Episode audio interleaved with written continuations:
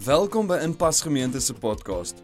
My naam is Roan en ek is so bly dat jy ingeskakel is vandag. Luister saam na 'n inspirerende boodskap oor die persoon van Jesus en sy liefde vir jou. As ons jou op enige manier kan dien of bystaan, maak asseblief kontak met ons. Ons webtuiste is die maklikste manier om dit te doen. Gaan na inpas.org.za en vul die terugvoerstrokie in en ons reik uit na jou.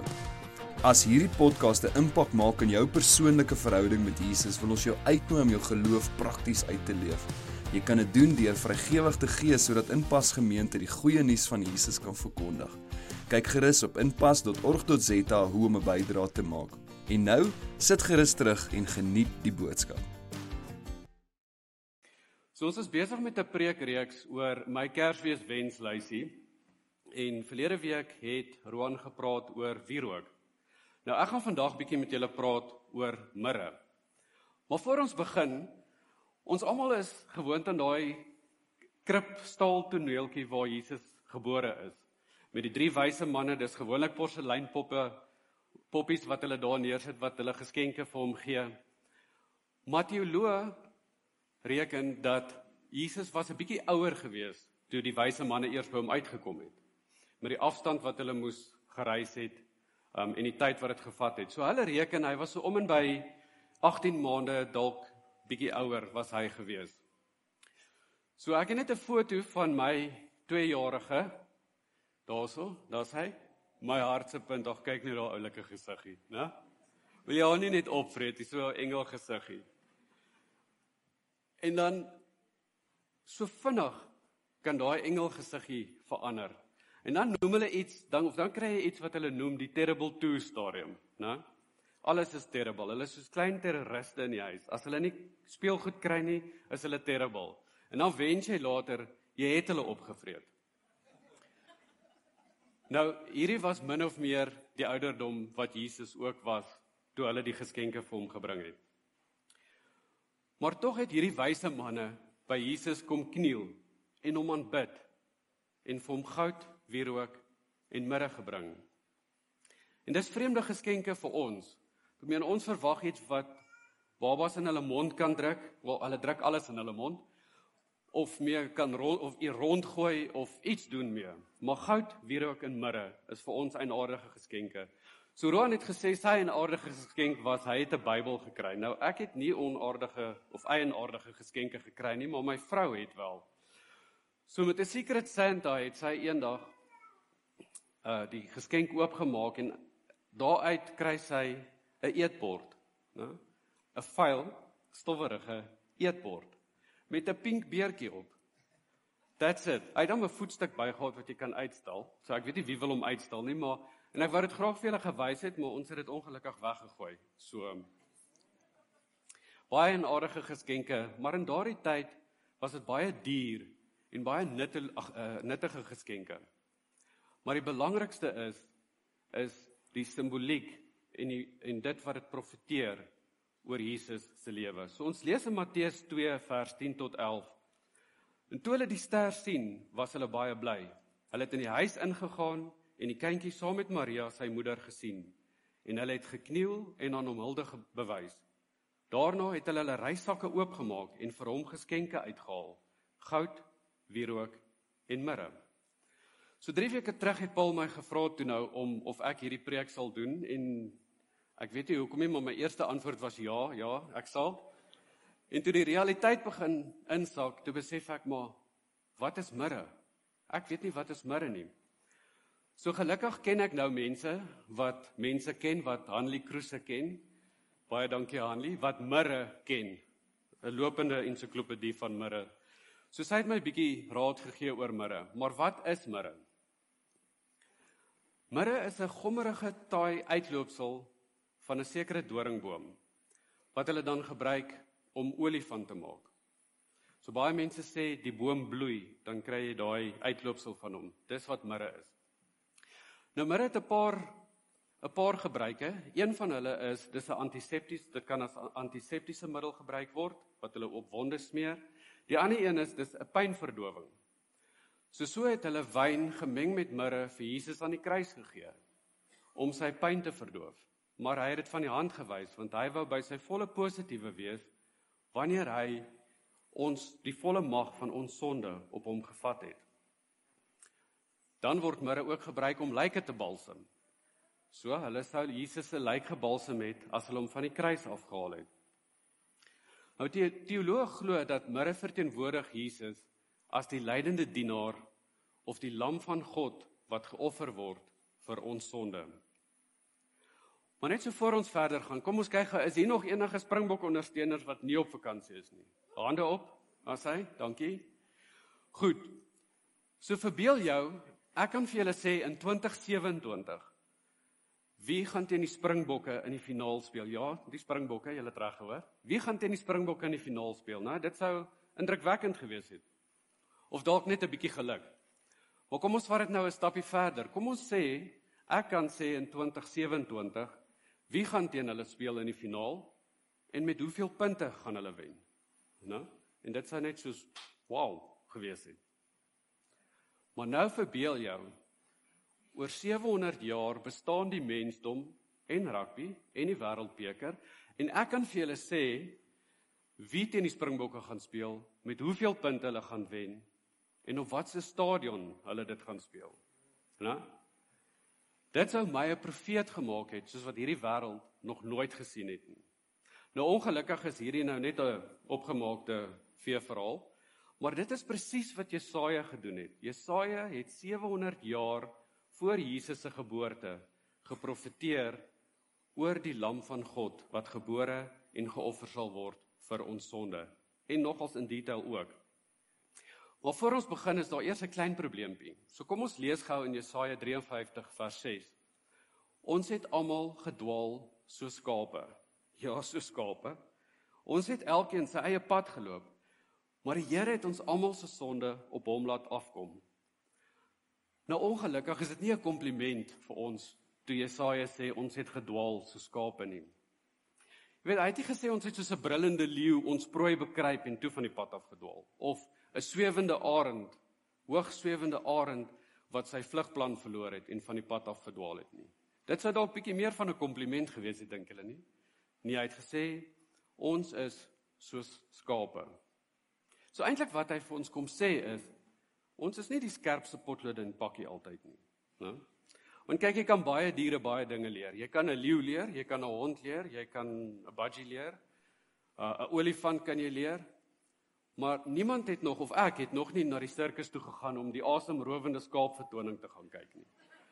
Of as my vriende kom braai vir hulle gesê, "Ja, check hoe mooi sit my skaap as ek vir hom sê sit nie." So skaap volgens my het drie eienskappe. Hulle is swak, Hulle is eiesinnig en hulle is geesteloos. Nou wat gebeur as 'n jakkals of 'n roofdier 'n skaap aanval? 'n Skaap kan hom nie self kamoufleer in sy habitat nie. Hy het nie kloue of angels of of tande of iets om hom mee te verdedig nie. So hulle is eintlik magteloos. En 'n skaap kan ook nie planne maak nie. Jy sal nooit kry dat as 'n skaap aangeval word dat hy vir een sê, hardloop jy daartoe dan hardloop ek daartoe dan flous ons hierdie roofdier en om so te oorleef nie nee hulle gaan vries en word gevreet en hulle kan nie vir hulle self dink nie so ek het 'n storie gaan raak of 'n storie raak gelees toe ek nou hierdie preek voorberei 'n baie hartseer storie maar 'n ware verhaal jy kan dit gaan soek in Turkye in 2005 was daar 1500 skape wat oor 'n afgrond mekaar gevolg het nie na groenwyvelde toe nie, oor 'n afgrond. Nou die hartseer storie van die is is dat 400 skaap daai dag dood is. Nou ek sou dink dat die eerste, die tweede, die derde, die vierde, dalk die vyfde skaap sou hom ter pletter geval het daaronder. Maar hier by die sesde skaap moes hy gekom het en gesê het, "Wow, hierdie is nie vir my nie. Ek gaan omdraai en weer gaan wy." En die hele trop sou hom gevolg het. Wanneer 1500 skaap is oor daai afgrond, 400 is dood. Die goeie nuus is die res het dit oorleef. Maar nie omdat hulle hierdie awesome superpowers gehad het nie. Die ander 400 het 'n wolkussing vir hulle ondergevorm, so hulle het almal op hulle geval. So wanneer Jesaja sê ons is so skape, is dit glad nie 'n kompliment nie. Skape dwaal en hulle het die konsentrasie vermoë van 'n klip. So Jesaja sê nie my wêreld, maar julle is awesome nie. Hy sê my liewe genade, julle het hulp nodig. Want julle dwaal van God se pad af. So kom ons kyk net gou weer vinnig na Jesaja 53 vers 6. Ons het almal gedwaal so skape. En ons het elkeen sy eie pad geloop. Maar die Here het ons almal se sonde op hom laat afkom. En onthou, hierdie was 700 jaar voor Jesus al geprofeteer. Vers 7 sê hy is mishandel, maar hy het geduldig gebly. Hy het nie gekla nie, soos 'n lam wat na die slagplek toe gelei word. So ek wil vandag vir jou kom vra, is jy al ooit in jou lewe verwerp, seergemaak, misverstaan, onregverdig gekritiseer? Jesus verstaan jou pyn. Ons lees in Jesaja 53 vers 3 en aan Hy was verag en deur die mense verstoot, 'n man van lyding wat pyn geken het. Iemand vir wie die mense die gesig wegdraai. Hy was verag. Ons het hom nie gereken nie. Tog het hy ons lyding op hom geneem. Ons siektes het hy gedra. Maar ons het hom beskou as die een wat gestraf word wat deur God geslaan word en gepynig word. Oor ons oortreding is hy deurboor. Oor ons sondes is hy verbrysel. Die straf wat vir ons vrede moes bring, was op hom. Deur sy wonde het daar vir ons genesing gekom. So dit is waarvoor Jesus se geboorte daar is en dit is wat hy vir ons sou gedoen het. So wanneer ek en jy vandag na die geboortetoneel kyk, dan sien ons dit as hierdie heilige maar historiese dag. Hy is gekruisig vir ons. Maar wat beteken dit vandag vir my en vir jou. Hoekom moet ons hom volg? Hoekom moet ons met alles binne ons hom dien? Nou wanneer jy die omvang van sy lyding verstaan en die diepte van sy liefde, dan sal jy nie sommer net op 'n vorm tik tik ek is 'n Christen net omdat die ander opsies jou nie pas nie. Jy gaan nie sê liefie ons het baie tyd vanoggend kom ons gaan bietjie kerk toe vandag of kom ons bid vanaand darm vir ons kos Dalk kry ons iewers in die week 'n seën. Wanneer jy verstaan wat hy vir jou en vir my moes deurmaak. Dit was 'n goddelike deklarasie van sy liefde gewees. En dan moet ons enigste antwoord daarop wees om hom met alles binne ons te dien. Nou ons kan nie eens probeer verstaan die lyding waardeur hy moes gegaan het nie. Maar ek dink is nodig dat ons net so nou en dan daaraan herinner moet word. So kom ons kom ons gaan na die tuin van Getsemane toe. Daar waar hy met God gepraat het en net so klein voorsmaakie gekry het van wat wag op hom. Nou onthou, vir sy disippels was dit 'n normale aand gewees. Hulle was bietjie later in die aand, dit was meer hier na die oggendure toe. Hulle was al moeg, hulle het ver gereis, dis amper Paasfees. En hy het hulle gevra kom bid en waak saam met my maar sy disippels het aan die slaap geraak. En hy het uitgeroep na God en gesê laat hierdie lydingsbeker verby my gaan. En hy het neergeval en hy het bloed gesweet. Nou om bloed te sweet, moet jou trauma so erg wees dat die aartjies wat bloed na jou sweetklere toe vat bars en daai bloed dan meng met jou sweet en dis hoe jy bloed sweet. En hy sê my siel is oorweldig tot en hartseer tot die dood toe. Dit is so erg dit was. Nou ek sou gevra het, maar is daar nie 'n ander plan nie? Is daar nie 'n plan B nie? Is daar nie iets wat bietjie minder pynvol sal sou gewees het nie? Maar Jesus sê, maar nie my wil nie, maar u wil. Daarna word hy verraai deur Judas met 'n soen. Hy word gearresteer. Hy word onregverdig verhoor en tot die dood veroordeel. En daar het hulle hom kaal uitgetrek en hy het skaamte en vernedering oor hom gekry. Hulle het 'n doringkroon op sy kop ingedruk. En toe het die marteling begin. Hulle het hom geslaan tot sy rug oopgekloof was en tot hy swak was. En toe het hulle vir hom sy dwarsbalk gegee van sy kruis om op die pad na Golgotha toe te dra. Daar by Golgotha het hulle vir hom spykers in sy gewrigte ingeslaan en spykers in sy voete. En hulle het hom gaan ophang in 'n kruis En al manier hoe hy kon asem kry was om hom op te trek met sy arms en op te stoot met sy voete. En elke keer wanneer hy dit doen, skuur sy rou see rug teen die houtkruis totdat sy skouers uitgehaak het en sy bene moeg geraak het en hy al hoe minder en minder asem kon haal. En dit alles in die hitte van die dag terwyl hulle hom gespot het. Maar die pynvolste gedeelte was toe die sondelose onskuldige lam alles wat vuil en sondig en demonies is op hom gevat het.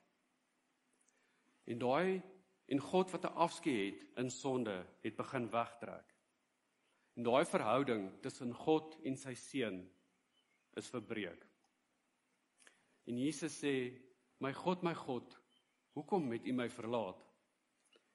En hulle het vir hom die wyn gemeng met mirre gegee om sy pyn te verdoof wat hy van die hand gewys het.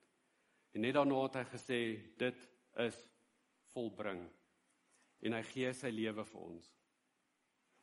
En die profeet Jesaja het hierdie 700 jaar voor die geboorte van die lam uit die maagd Maria het hy dit geprofeteer. Jesus het nooit sonde gedoen nie, maar hy het gelei vir ons. So ons lees in Jesaja 53 vanaf vers 8 verder. Terwyl hy gelei en gestraf het, is hy weggeneem. En wie van sy mense het dit ter harte geneem dat hy afgesny is uit die land van die lewendes? Hy is gestraf oor die sonde van my volk. Hy het 'n graf gekry by goddeloses. Hy was by sondaars in sy dood. Al het hy geen misdaad gepleeg nie. Al was hy nooit vals nie.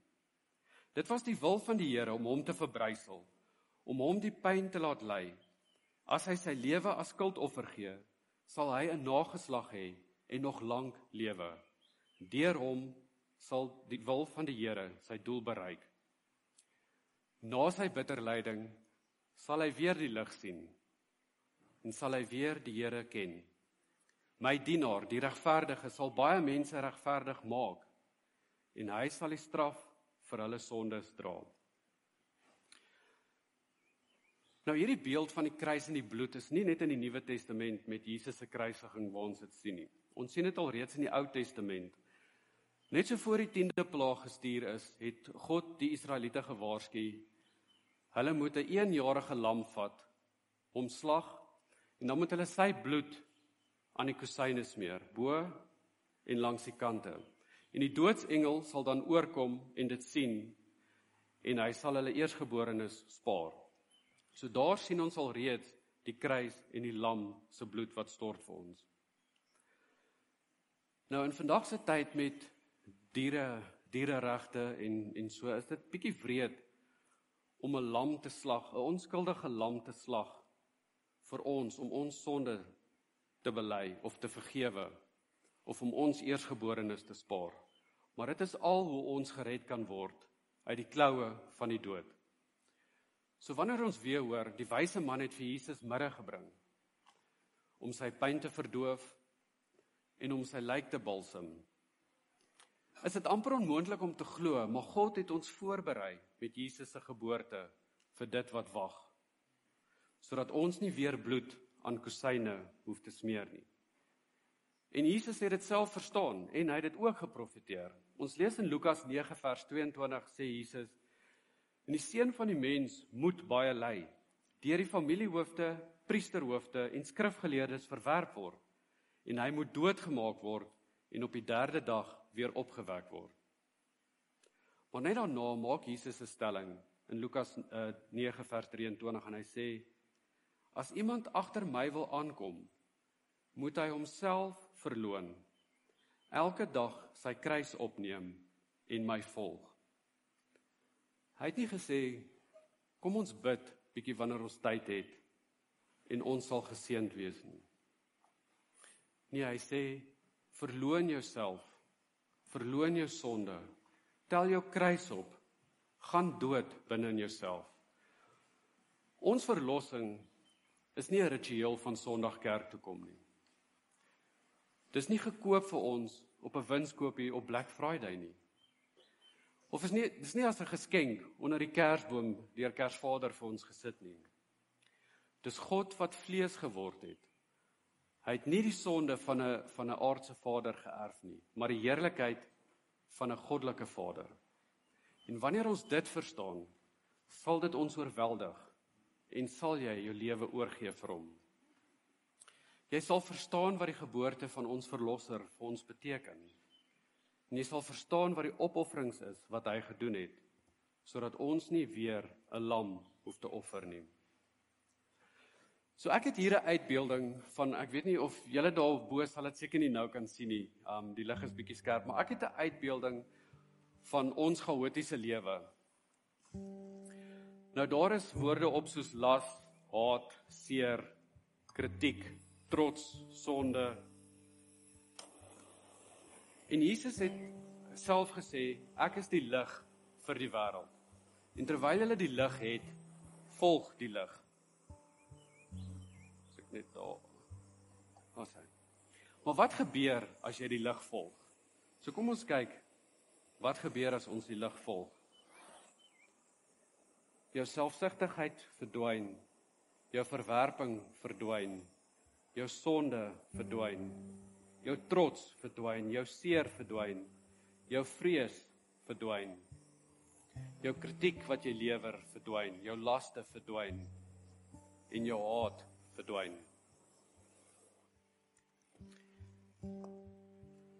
En dan is dit amper onmoontlik om te glo met sy geboorte het hy dit reeds voorspel dat ons sonde en ons las met sy koms sal verdwyn.